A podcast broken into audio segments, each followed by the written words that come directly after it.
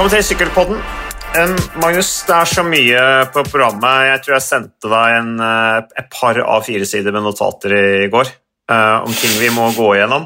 Så vi bare går rett på, på sak. Vi tar det, altså det nyeste først, i og med at det er liksom de siste nyhetene som, uh, som gjelder. og det skapte jo stor begeistring i går, Magnus, da Chris Room tok sitt beste resultat siden velten i Criterium Dauphiné i 2019. Eh, da han ble nummer 11 i dette Mercan Tour Classic Alp Maritim, som for øvrig da ble vunnet av Jakob Folsang eh, foran da eh, kanadiske Kanadiske Michael Woods. Ja, så det ble jo da dobbelt Israel Premier Tech, som jo var kjærkomment for de, i og med at vi kom litt tilbake til dette her med dette nedrykkssystemet og poengsystemet som avgjør hvem som skal kjøre i World Tour. Men du, du så rittet, du var på jobb, du lå i sofaen du, og så det sykkelrittet. Jeg så fra start til slutt. Jeg.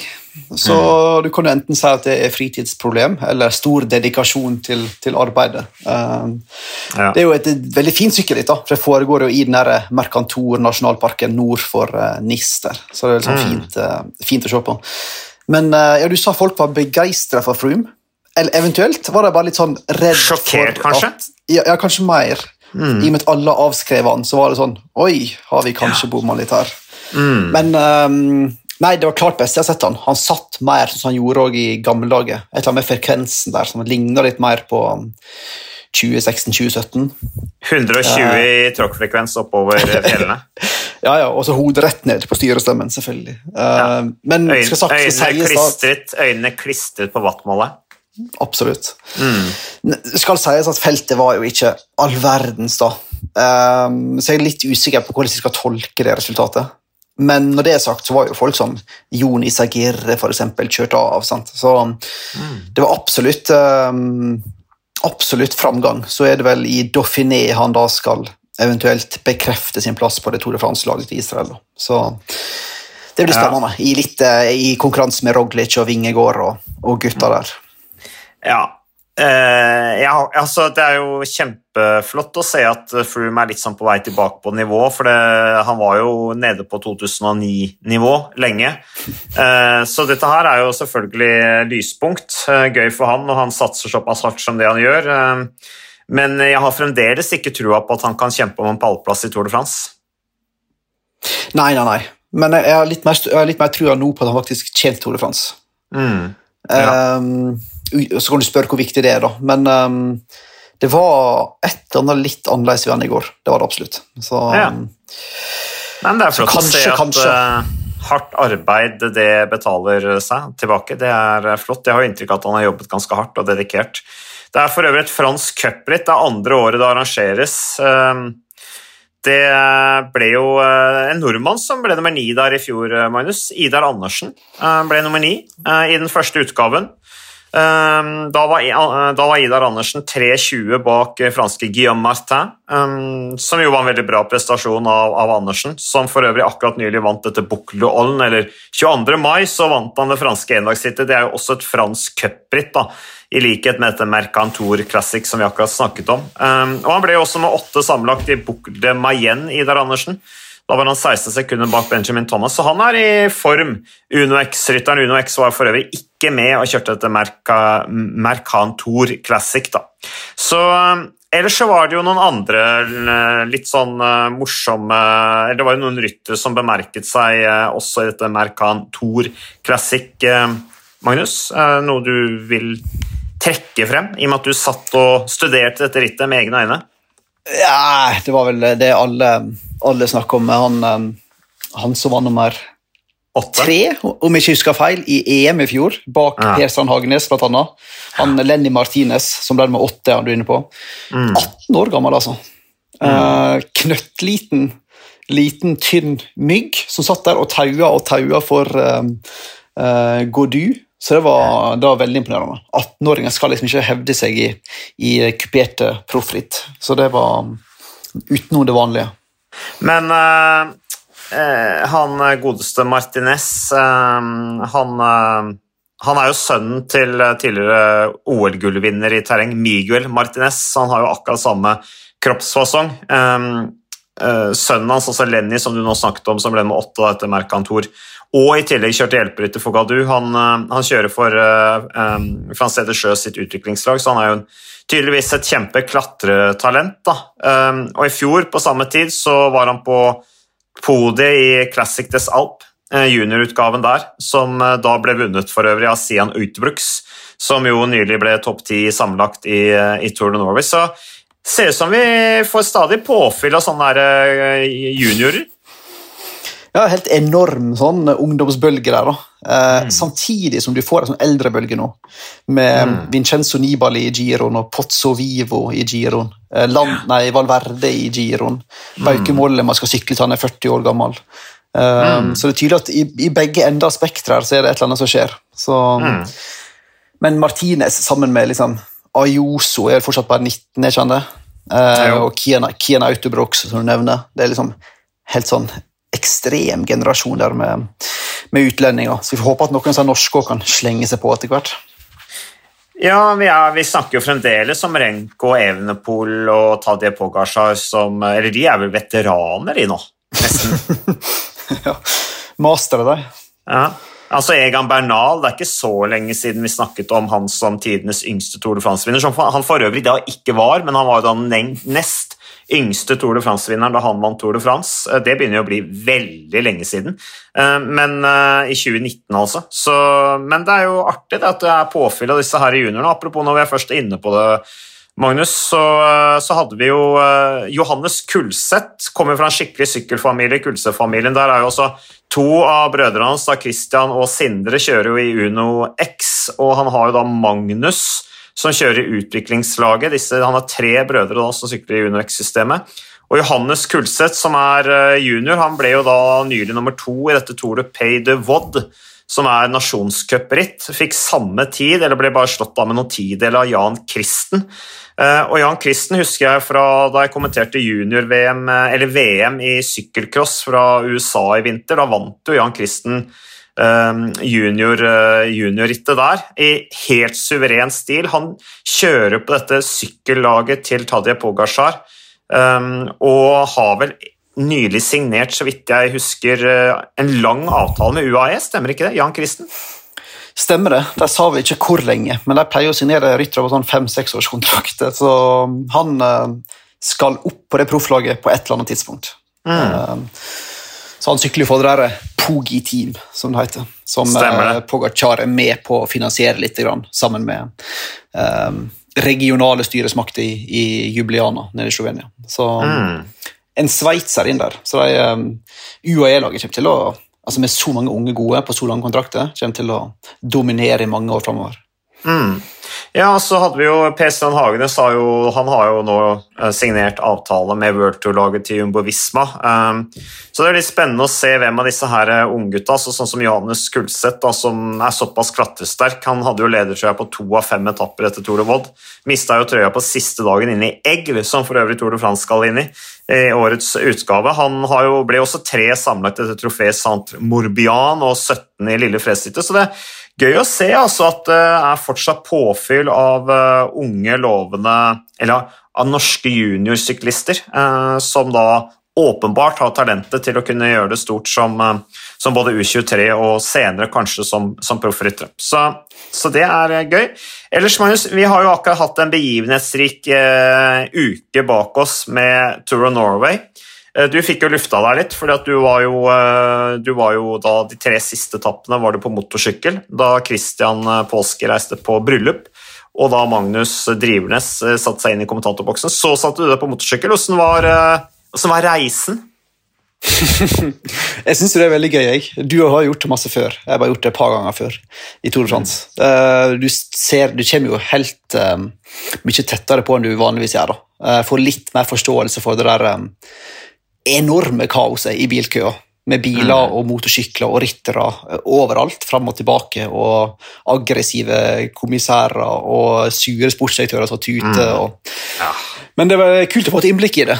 Mm. Uh, og så virker det som om ja, jeg synes alltid det er så fascinerende at mekanikerne ofte ligger bak i bilen og sover underveis på etappen. Jeg skjønner ikke at det går an å sove når det er så masse stopp og kjør, kjøring og tuting og kaos. Ligger jeg her bare Nei, de blir jo helt, helt, helt, utslitta av det hele, så de bare til slutt bare fader ut. Kan jo være det. Ja, ja. Nei, men Det virker som det var ganske sånn um, lugn stemning i Det er jo selvfølgelig Tour of Norway, det er jo ikke Tour de France. Så ja. Uh, sportsdirektørene har jo ganske godt humør underveis der. Det er ikke liv og død det står på. Så, um, men det er gøy å komme såpass uh, tett på, tett på rytterne. Helt annet perspektiv enn vi vanligvis får. Mm, ja, nei, det er kult å ha, ha deg bak der også i forhold til å liksom få litt sånn detaljer på hva som, som, skjer, så er jo det glimrende. Det er ikke alt du får med deg eh, på kommentatorplass, så det, så det er bra. Eh, Remco Evenepool det var jo på en måte et ritt som, hvor favorittene så til de grader leverte, syns jeg. Det, det, var ganske sånn lett, og Vi hadde disse fem favorittene hver dag. Jeg synes Det var ganske, det var én dag jeg ikke tippa vinneren. Eh, det var Marco Haller, som for øvrig ikke var noen stor overraskelse. Han vant heller i det feltet. men men uh, favorittene leverte. Remco Evenepool uh, var jo veldig sterk uh, og skaper jo begeistring på hjemmebane med de prestasjonene.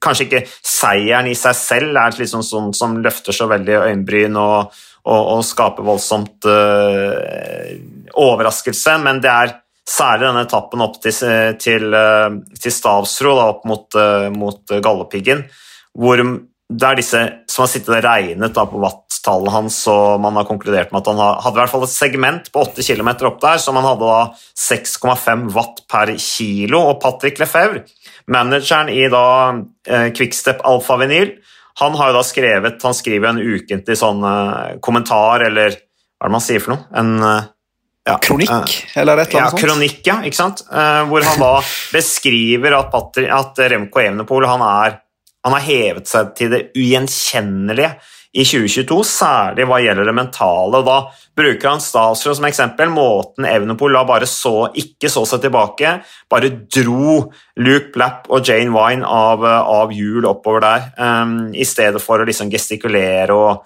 og, og, og, hisse seg opp for at ikke de var med å, dra. Så så vi en uh, sterkere Evenepool, en, uh, en, en, ny utgave av Evenepool enn vi har sett tidligere. Hva tenker du om det? Um, kanskje. Først og fremst, Jeg tror du sa Galdhøpiggen. Jeg tror du mente Gaustatoppen. Nei, jeg mente Gaustatoppen, selvfølgelig. Ja, ja. ja, um, takk for det. Ja, jo.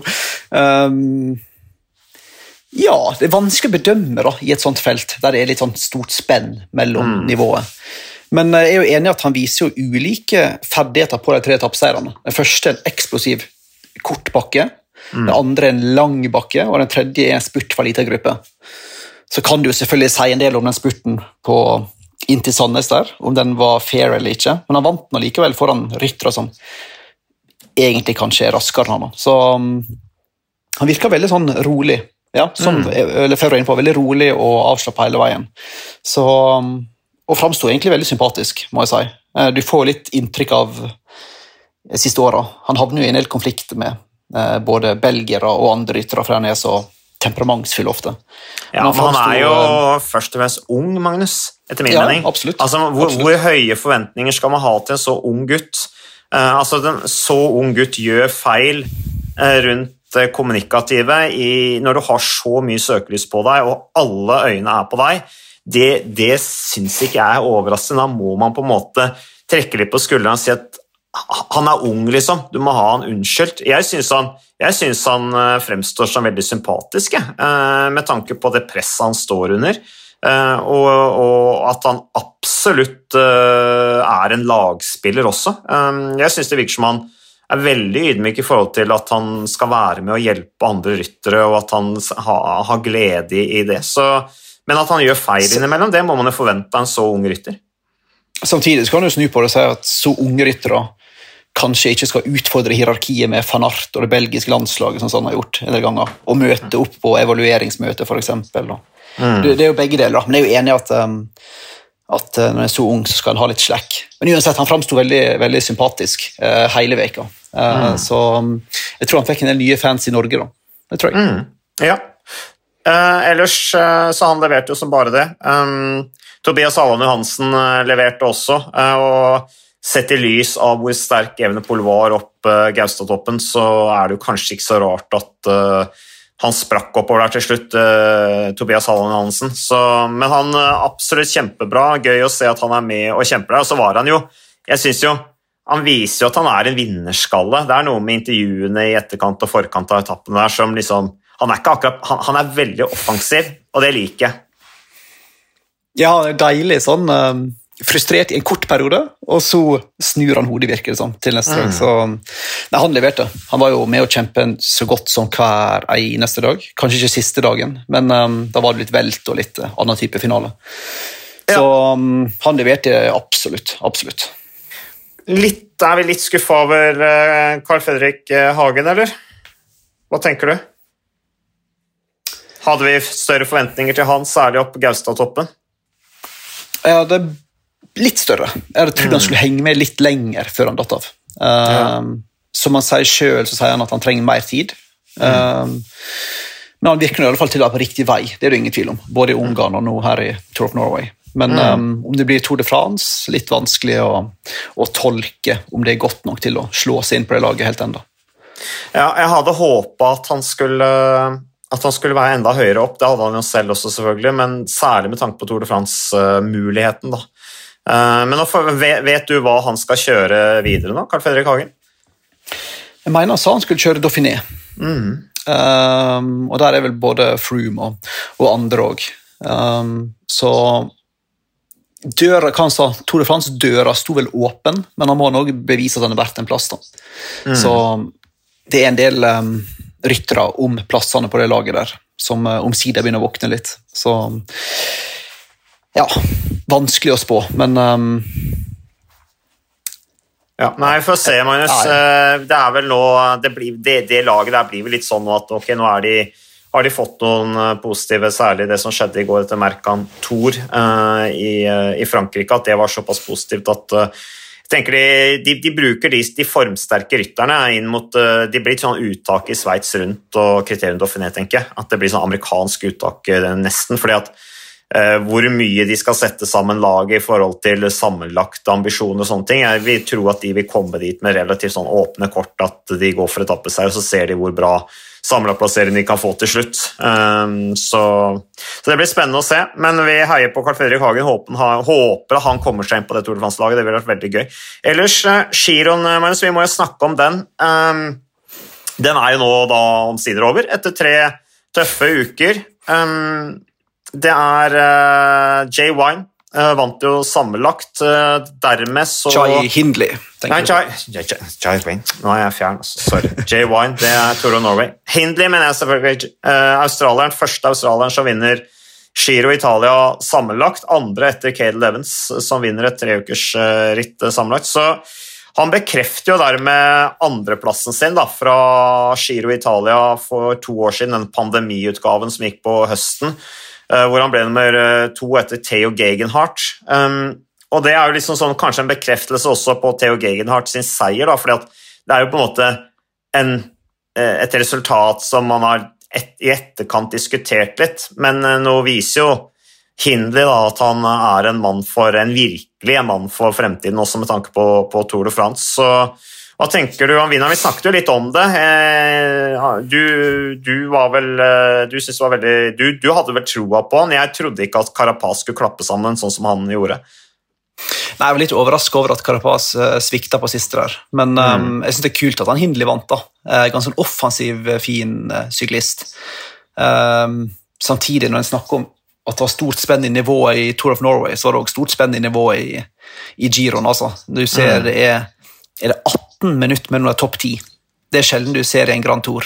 Mm. Når eh, Jan Hirt og Peyo Bilbao og Pozzo Vivo og Juan Pedro Lopez topp ti, så sier det litt om at både Bardet, Yates, eh, Dumoulin, eh, Almeida Mange favoritter falt jo fra. da. Mm. Eh, men for all del, det tar jo ikke noe fra seieren hans. Hvis du slår Carapaz i en Grand Tour, så er du altså Carapaz er så stabil i Grand Tour, så hvis du slår han, så fortjener du å vinne. Altså. Mm. Uh, og så var det gøy at Mikkel Landa for en gangs skyld gikk gjennom en Grand Tour uten å drite på draget, bæsje på leggen. Så det var, det, var, det var, hyggelig å se at han uh, Landismo lever, som uh, fansen skal ha det til. Er du fan av Landa, eller er du en av de litt sånn halvfanatiske Landa-fans?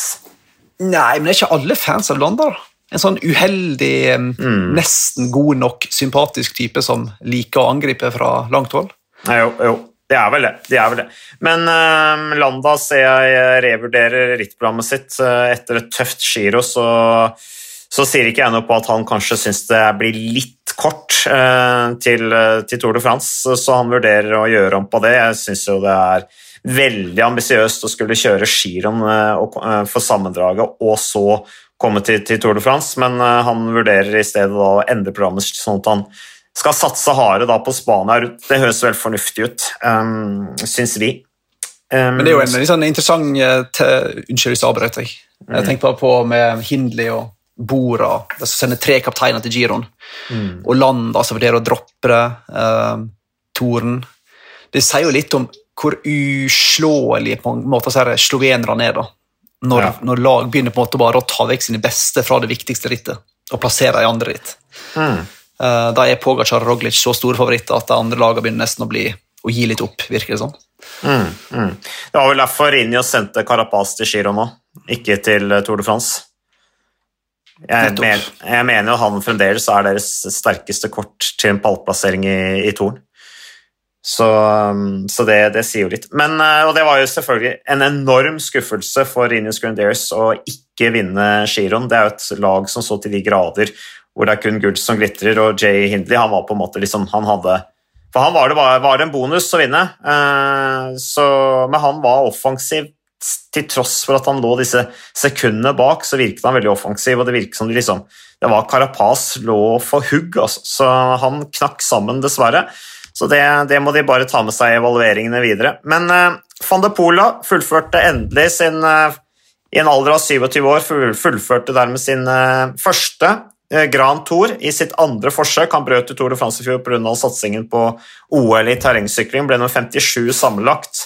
Ble fire i poengkonkurransen. Fikk én etappeseier, hadde tre dager i rosa trøye, var fem ganger topp ti og 626 km i brudd. Det som var litt rart med Matty van der Poel i giroen, syns jeg, det var at han deltok jo ikke i massespurtene, men gikk i stedet for disse her mellomharde etappene. Så men uh, lagde jo show, da. Mathieu van de Poel. Uh, det blir spennende å se om han har noen krefter igjen til, uh, til, Tour de France. Jeg tror at han bare vil bli sterkere i Tour de France, ja, når han da får fordøyd den, den giroen som han nå har vært gjennom, hvor han har fått mye juling. Nå skal han jo ikke sykle ett eneste ritt før Tour de France heller, så Nei. det er jo en spesiell oppladning. Ikke engang nederlandske mesterskapet.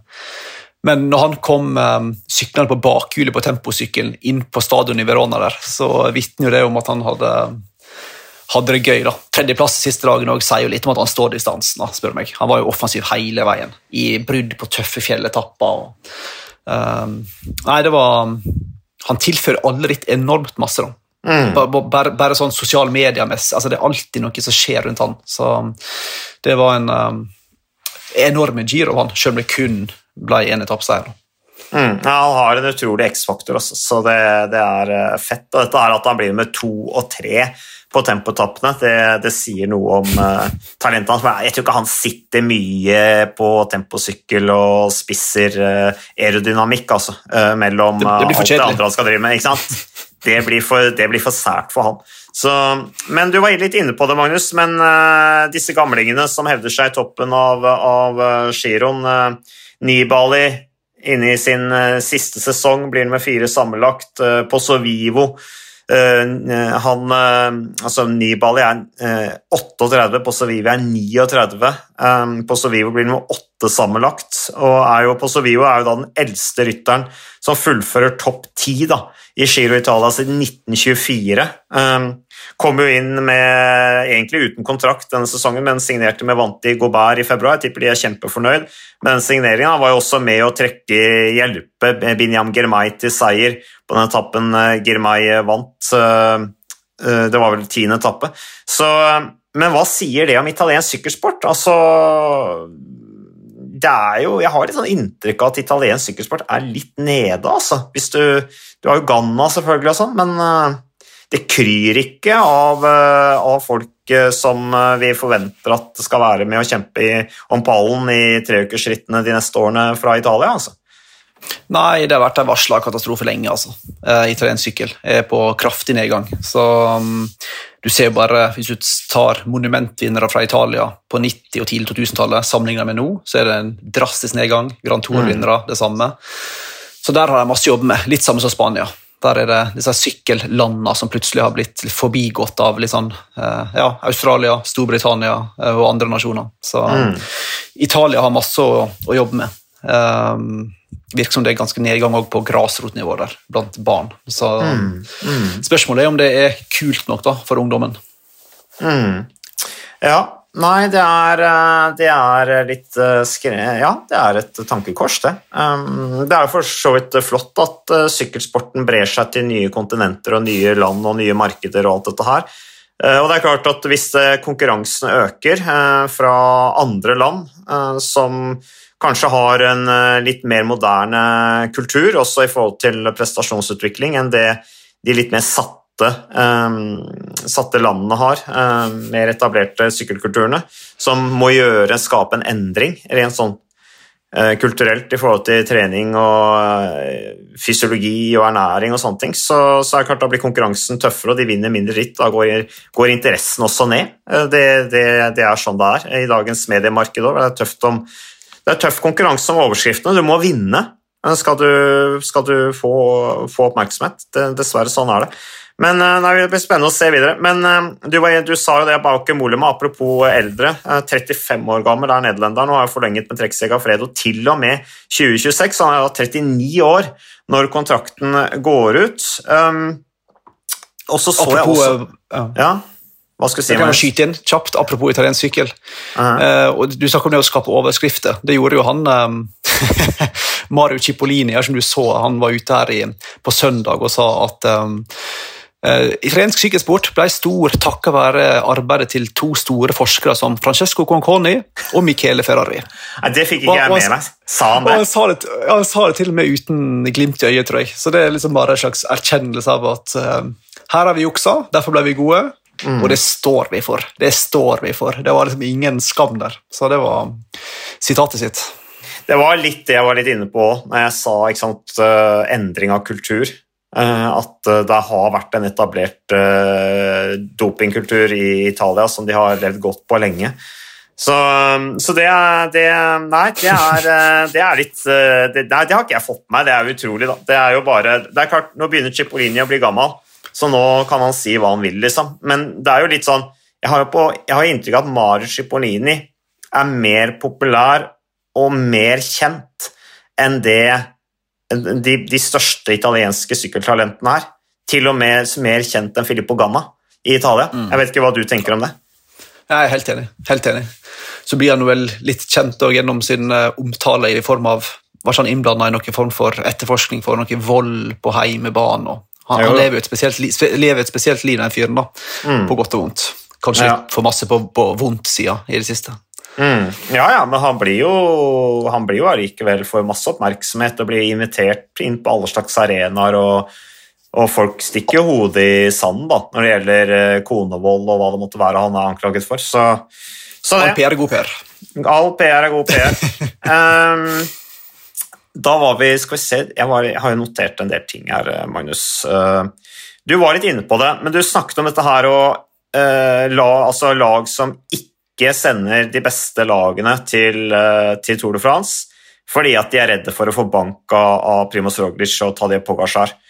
Eh, jeg så det var en artikkel i Cycling News eh, for et par dager siden, 30. mai, om Arkea Samsic, som nå i den altså de, Arkea Samsic, det franske pro-teamet, altså annendivisjonsprofflaget, de har, fikk jo en invitasjon til Italia rundt som det nest beste pro-teamet i, i fjor. Um, men de takket nei til deltakelsen fordi at strategien deres er å kjøre seg inn på en World Tour-plass. Og da har de beregnet det slik eh, at de skårer mer UCI-poeng, altså eh, rankingpoeng, ved å ikke kjøre Italia rundt, kjøre litt mindre sykkelløp. Og det har de jo truffet veldig bra. Altså, de har skåret masse poeng under giroen, Eh, mellom 6. og 29. mai så altså det franske Arkea Samsic de har skåret mer poeng enn 11 av World Tour-lagene som deltok i, uh, i giroen. Eh, og Arkea har skåret mer poeng enn Jumbo Visma, som altså vant to etapper, og Bakketrøya med Colin Boman som et eksempel. Eh, det er det jo da en del reaksjoner på, at det er sånn. Blant annet uh, Luca Gerselini, som tvitret etter uh, som et resultat eller, på, på bas, eller med referanse til denne artikkelen, så, så, skriver Gerselini, som er uh, direktør i Trekk Segafredo, at ja, poengsystemet det gjør jo da at lagene vil sende sine beste ryttere til mindre ritt for å unngå nedrykk, som igjen vil ta livet av, av sykkellagene. Um, hva skal vi si om det? Jeg vil jo hylle Arkea for å faktisk satse inn i det systemet og ta den beslutninga som er den riktige. Istedenfor mm. er teammanagerne som har sagt i hele vår at nei, jeg følger ikke egentlig så masse med på det, og vinner du ritt, så får du poeng, og det kommer til å ordne seg. Mm. Åpenbart ikke forberedt. Eh, Lotto som henter to gamle gutter nå i mai for å redde seg inn. Ja. Så jeg syns det må hylle seg, da. Um, når det er sagt, så er det jo helt uh, sjanseløst at um, altså systemet er så dårlig det tror jeg vi alle er enige om. Altså mm. Vekting av poeng, at du får mer poeng for dårligere ritt enn du får for å vinne etapper i store ritt osv. Ja. For hvis hele poenget til World Touren når den ble startet i 2005, var jo å samle beste rytterne i de beste rittene, mm. da må det jo òg være mest poeng å hente der, ellers vil jo ikke beste rytterne delta i de rittene. Så det er, liksom, det er sånn selvmotsigende hele konseptet, spør du meg. da. Ja, men jeg veit ikke helt. Jeg, Magnus, altså, uh, det spørsmål. jeg, jeg tror at fra rytternes ståsted Eh, så ønsker jo altså Thomas de Gent vil jo heller vinne en etappe i Giro Italia enn en etappe i Cacciurdo Dunkerque, som de for øvrig vant eh, da med, med Philippe Gilbert og skåra masse poeng. Lotto Sodal har jo begynt å vinne, har begynt å skåre en del poeng igjen, særlig med Arnaud Deli, den unge sprinteren som også, eh, også har kommet seg heldigvis etter stygt velt i nettopp Cacciurdo Dunkerque. Men, eh, men uh, sesongen er jo lang, uh, og etter hvert så vil de, kanskje de store lagene finne ut av det og begynne å skåre med poeng og sånne ting. Det er jo mange ting som spiller inn. Men Arkea Samsic, som du er inne på der, har jo bare hatt en tydelig strategi. Hvordan skal vi klare å kjøre oss opp på worldtouren? Da må vi skåre mest mulig poeng, og i de, i, i de, rittene hvor vi har muligheten til å gjøre det. F.eks. i Tro Bro Leon, hvor de var fire stykker topp ti, og i tillegg vant rittet. Det er klart det ble enormt med poeng. Så det der er, en, eh, det der er helt klart en utfordring, men, men for, for, for, de store lagene så er det jo, TV-eksponering, det er jo overskrifter. Uh, og jeg vil jo tro at i Belgia verdien for sponsoren er jo en helt annen med Thomas Digent som vinner. Altså, vil jo, jeg vil jo tro at han får noe oppmerksomhet i belgisk media, en del mer enn det han ville fått om han vant uh, et eller annet mindre ritt. Absolutt, men, men et av paradoksene der er jo at selv om han vinner en girotappe, så gagner jo det Lottoslag veldig lite. Mm. Uh, hvis vi har lest opp riktig, så er det jo da de topp ti rytterne på hvert lag. De poengene de samler, er det som gjelder. Mm. Og Så lenge top, Thomas Digent ikke er topp ti på eget lag, så hjelper nesten ikke poengene i Lotto i det hele tatt. I alle fall ikke sånn ståa er nå. Uh, så det, det er jo litt sånn en, en rar greie. Jeg tenker jo Poengene laget samler må jo være totalen som gjelder, tenker jeg da. mer enn at du skal ha topp ti ryttere. Um, jo, jo men, ja. Eh, men topp ti ryttere er jo for så vidt for så vidt greit også, tenker jeg, eh, med tanke på hjelp, altså hjelperytterrollen og det her å hjelpe noen rytter. ikke sant? At laget kanskje eh, belønnes mer på den måten. og det er klart, Hvis Thomas Digent fortsetter å samle poeng i løpet av sesongen, så kommer han inn topp ti på laget og blir jo dermed en del av beregninga. da. Så, så det, det, har jo kanskje noe med at vi bare er ferdig med første tredjedel av sesongen å gjøre. Jo, Samtidig ville du da ha belønna hjelperytterne mer hvis de poengene de skåret underveis, faktisk hjalp til totalen. Nå blir det jo veldig delt. da. Det blir bare de topp ti-rytterne som er viktige, mens resten da må hjelpe dem i praksis. Ja, så sant det, men du har jo masse hjelperyttere som gjør en jobb, og så, og så sykler de helt rolig til mål. ikke sant? Uh, hvis man skal, Nå kan det jo bli sånn at laget sier at ja, ikke, ikke gi alt i rollen som hjelperytter, fordi at uh, du må passe på å ha litt uh, energi igjen, så du får, blir nummer 11 eller 12 og dermed scorer noen poeng. og så ender det da med at kapteinen blir nummer to i stedet som nummer én. Så ja, nei, det der er, det der er, eh, det der er en vanskelig beregning, altså, det der poengsystemet. Og jeg så Dan Martin også gikk ut på Twitter nå og på en måte forsvarte dagens poengsystem. Så at det er liksom umulig å tilfredsstille alle med sånne type, type ranking. Men i sykkelsporten så, så er det vanskelig da, eh, å få til på en rettferdig måte. Det blir alltid diskusjoner om hva som er riktig måte å beregne sånne rankingpoeng i forhold til hva som er de beste lag i verden, og hvem som fortjener å være i det gode selskapet osv. Så videre. så, men det er i hvert fall interessant da, med lag nå som liksom Strategien er å gjøre det best i sykkelsportens bakgård istedenfor å gjøre det på en måte der det teller mest. Og Det som kompliserer enda mer, er jo at en tar jo nå eh, det Opprykk og nedrykk baseres på et treårs samla poengsum. Mm. Så det de siste tre åra teller for neste år.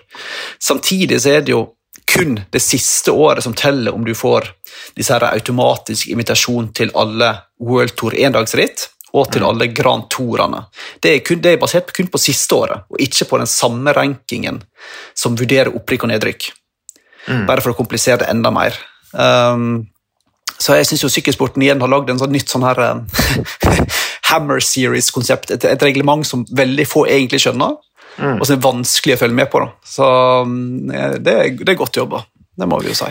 Men jeg var inne på Tro Bror Leon. Også I Tro Bror Leon så skårte Arkea Samsic altså mer poeng enn EF Education, Israel Premier Tech, DSM, UAE, Movistar, Quickstep, RSR og Cofidis gjorde til sammen, eller klarte til sammen da, i hele giroen. Så det, det, sier jo litt uh, om, om, systemet, at uh, er man litt smart, så kan man uh, virkelig utnytte det maks, da, sånn som Arkea Samsig opplagt har, har, gjort. Og de har jo gjort det gjennom hele sesongen, så har de hatt flere ryttere oppe topp ti på mange ritt, og egentlig liksom sånn den tradisjonelle sykkeltankegangen de folk har jo revet seg i håret. Liksom, hvorfor går de ikke heller all in for seier med et skikkelig opptrekk? F.eks. for eksempel var det ikke kun Brussel Kurn, de hadde også flere ryttere topp ti. Eh, men alle spurte seg for seg liksom, at det, da blir det kanskje ikke noe seier, men det blir masse poeng, da. Så, så det blir spennende å se. Men uh, noe mer du vil si om det, Magnus, før vi hopper videre? Nei, jeg vil bare si at du da, Hvis du da får opprykk og nedrykk ett år i sesong, så har du den statusen i tre år. Mm. Så Det er jo et merkelig system. Du skulle jo tro at da, eh, med norske øyne at Uno X kunne kjempe om opprykk. Hvis De får det ikke til nå, men hvis de kanskje kan prøve det neste år. Men da må de vente tre nye år. Ja. Eh, ja. Så det er liksom virkelig ja, litt tilfeldig og rart. Ja, det er lenge. Ja, ja, Altfor lenge. Alt for lenge. Samtidig så er det den forutsigbarheten da, som er, som er det sykkelsporten og sponsorene har skreket etter. dette her at at sponsoren skal kunne komme inn i et sykkellag og vite at de neste tre årene så skal de få invitasjon til Tour de France, som betyr så mye. Så, så, så, så, der, det, er, liksom, det, er, så mange sider eh, og så mange interesser da, som, som, som, man skal tilfredsstille her. Så det, det, er en evig diskusjon, tror jeg. Apropos dette med eksponering og osv. Nylig ble jo dette her Ride London Cycling Classic, eller Ride London Classic heter det vel. Eh, ble jo, det er et dameritt som går over tre etapper. Eh, der var det også en interessant artikkel i Cycling News om eh, hvordan, hvordan TV-dekninger påvirker det sportslige i rittet. Da. Og der i Ride London Classic så var det altså bare TV-dekning på, på to av tre etapper. Og De to første etappene, ifølge journalisten som skrev den artikkelen jeg leste, så var det altså svært passiv sykling og knapt noen angrep, mens på siste etappe, hvor TV-kameraene var på eh, og de var til stede, så haglet angrepene. Og Det rittet ble altså vunnet av Lorena Vibes da foran Elisa Balsamo og Emma Norsgaard. Hva norske eh, resultater, så kan vi trekke fram Josie Nelson. Hun er britisk, men sykler jo Coop. Hun ble 23 sammenlagt. Amalie Lutro ble beste fra UnoX på en 52.-plass, og verken Coop eller UnoX var topp 15 på noen av de tre etappene. Men eh, ja, det er også litt interessant at eh, TV må være til stede for at det skal bli kjøring. Men at det skal påvirke det sportslig, sånn som det hevdes her, det er jo litt utrolig, syns jeg. Da det, det er eh, Ja, det syns jeg er litt rart. Er det noe spesielt for damesykling, tror du, eller vil kunne det samme skjedd i, i herreritt? Uh, jeg tror ikke det samme ville skjedd i et herreritt, for helt ærlig. Uh, nå, jeg, nå, jeg, nå, så jeg jo jeg kun siste etappen, da, av mm. åpenbare grunner. De viste jo ikke de to første, men jeg vet ja. jo ikke grunnene til at det var passiv kjøring på de første etappene. Det kan jo være en god forklaring. Men det er jo veldig spesielt hvis det er sånn at en bare ikke gidder å lage noe særlig sykkelritt fordi det ikke er på TV. Eh, så jeg, håper jo at det er en annen forklaring til at det var litt eh, passiv kjøring der. Ja, Det kan jo være motvind, og ja, ja, i og med at vi ikke var der og så det, så kan det jo være mange grunner til at det ble kjørt som det ble kjørt. Så, så det er jo bare påstand. Men hvis UCI følger sine egne regler, så er jo da uh, Ride London Classic ikke et World Tour Ritt neste år, som de gjorde med Giroen. Mm. Du er jo forplikta til å vise minst 45 minutter med direktesendt TV fra hver etappe. Uh, og når du dropper det på to og tre etapper, da er det uh, hasta la vista, tror jeg. Mm. mm. Ja, ja. Nei, det får bli konsekvensen av det. Det er jo synd, det. Storbritannia, som normalt sett eh, er et land som er gode til å organisere og gode til å tilrettelegge og sørge for at uh, alle forventninger blir fulgt rundt et arrangement, så er det skuffende at de ikke har TV-dekning på, på, på, alle etappene. Så det er fremdeles utfordringer da, med, med internasjonal kvinnesykling når liksom de, alle de store lagene kommer dit, og så er det ikke engang blir ikke engang TV-sendt. Det, det, er synd. Men apropos TV-sendinger, eh, Magnus.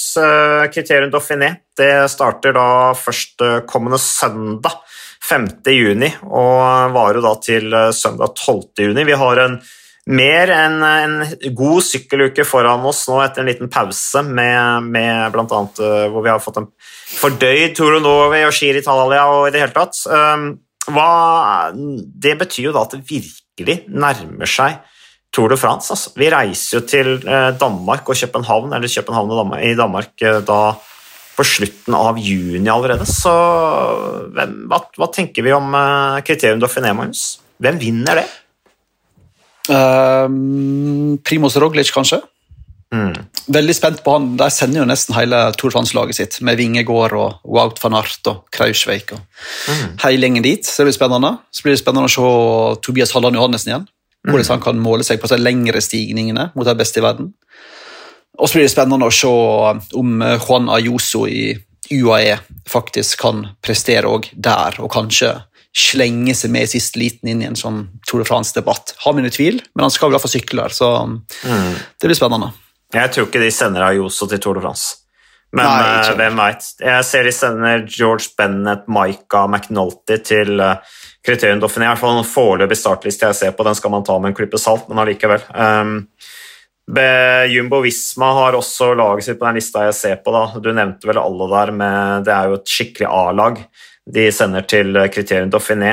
Um, UnoX skal jo også dit, og vi sender jo hele kriterium Dauphiné på, på TV 2, uh, så det, det, gleder vi oss til. Um, Spennende å se om uh, Tobias Halland Johansen Han kommer jo dit til kriterium Dauphiné selvfølgelig som litt sånn litt mer en outsider enn det han gjør i Tour of Norway. Så, så uh, hvordan de gjør det rent taktisk i UnoX, uh, mulighetene for å gå i brudd osv. vil jo være noe større i kriterium Dauphiné, vil jeg tro. Um, det er ikke han Roglic osv. passer mest på, men hvis han, kan, eh, hvis han har fordøyd seg godt etter Tour Norway og bygger videre på den formen han viste der, så skal det bli veldig spennende å se hva han kan, eh, kan få til i kriterium Dauphiné, hvor vi også har rytter som uh, ja, Van Ert kjører, det nevnte du vel, men du har uh, Toynes, O'Connor som ble fire sammenlagt i Tour de France i fjor, van Barl, uh, Paris-Roubais-vinneren, Ganna kjører jo også, lagkameraten til van Barl, Ines Grandiers,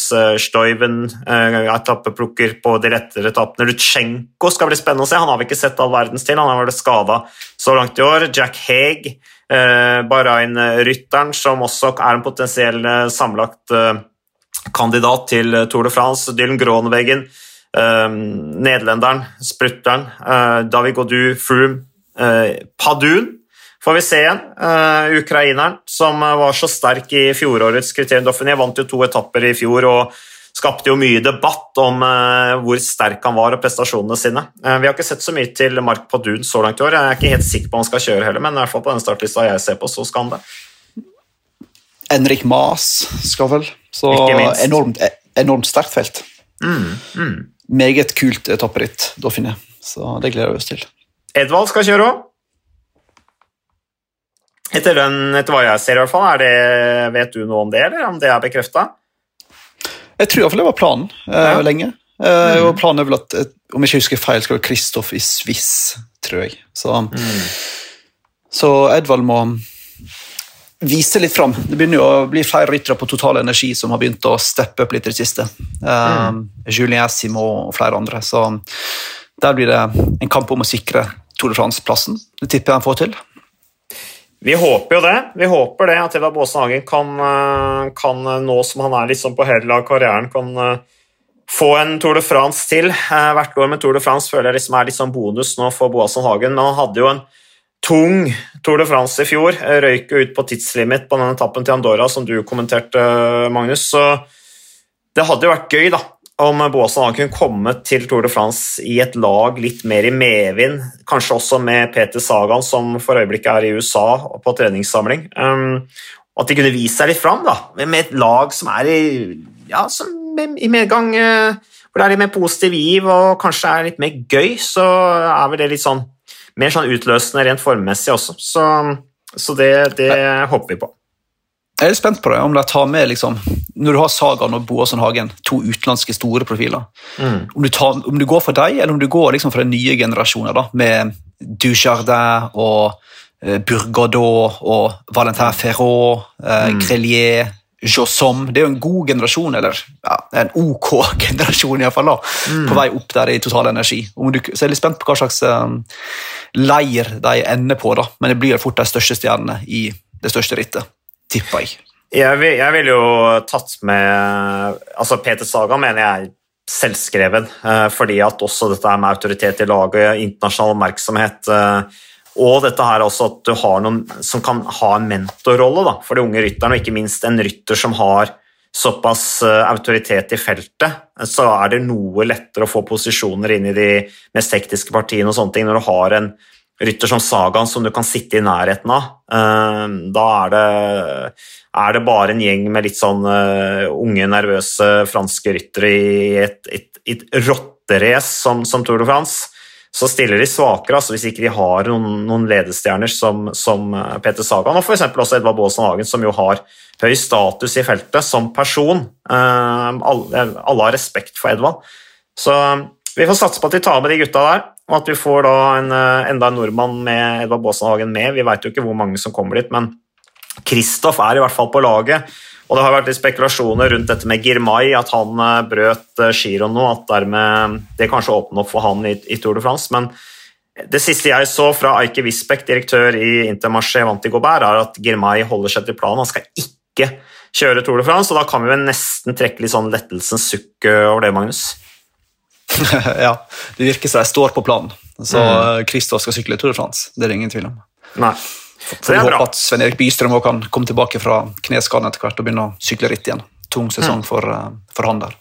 Ja, vært en tung sesong for eh, Bystrøm. Så Han var ute og trente under Tour Norway, skulle egentlig kjøre Tour Norway, det ble ikke noe av. Um, Alexander Kristoff vant jo heldigvis uh, siste etappen i, i, Tour Norway, så det var uh, veldig bra jobbet av han inne i Stavanger, i Vågen. Så det er godt å se at uh, Kristoff fremdeles biter fra seg sånn som han gjør. Men hvis ikke du har noe mer å si da, Magnus, så tenker jeg vi har, vi har si oss fornøyd. Har vi sittet her og pludret om internasjonal sykkelsport uh, i 48 minutter? Uff, det er for lenge. Det er lenge. Det er veldig lenge. Det er det, altså. Det er det. Så vi får bare takke lytterne våre for at de orket å holde, ut, uh, holde med oss så lenge. Og så kan vi jo se om vi kanskje er tilbake med en, eh, en liten sånn status på Kriterium Doffiné-podkast neste uke, f.eks. Hva er programmet ditt fremover, da? Du, nå skal jeg til, eh, skal bli med fruen til Roma på en eh, Diamond League neste uke. Men vi får jo inn en, um, en Dauphiné-podkast tidlig neste uke, tror jeg. På etter mm. etappe to eller tre. Ja, mm, mm. Vi satser på det, da. Så da blir lytterne våre fornøyd. De, de, de, skriver jo til meg om at eh, de liker at vi har litt sånn jevnt, jevne utgaver. At det ikke går for lang tid mellom hver gang. Er det de tre vanlige som skriver det? Eller? Ja, det var en helt ny en som skrev til meg. Så liksom bare, å, det satte meg på, på lista. da. Ja, Så, det, så det, det, er kult. da. Så det er kult, så det, det, er bra. Nei, men eh, Takk for innsatsen, eh, Magnus. Så får du komme deg ut og trene. Jeg skal sette meg på rulla og kjøre noen intervaller før jeg spiser lunsj. og så og så holder vi kontakten. Ha det bra! Ha det bra.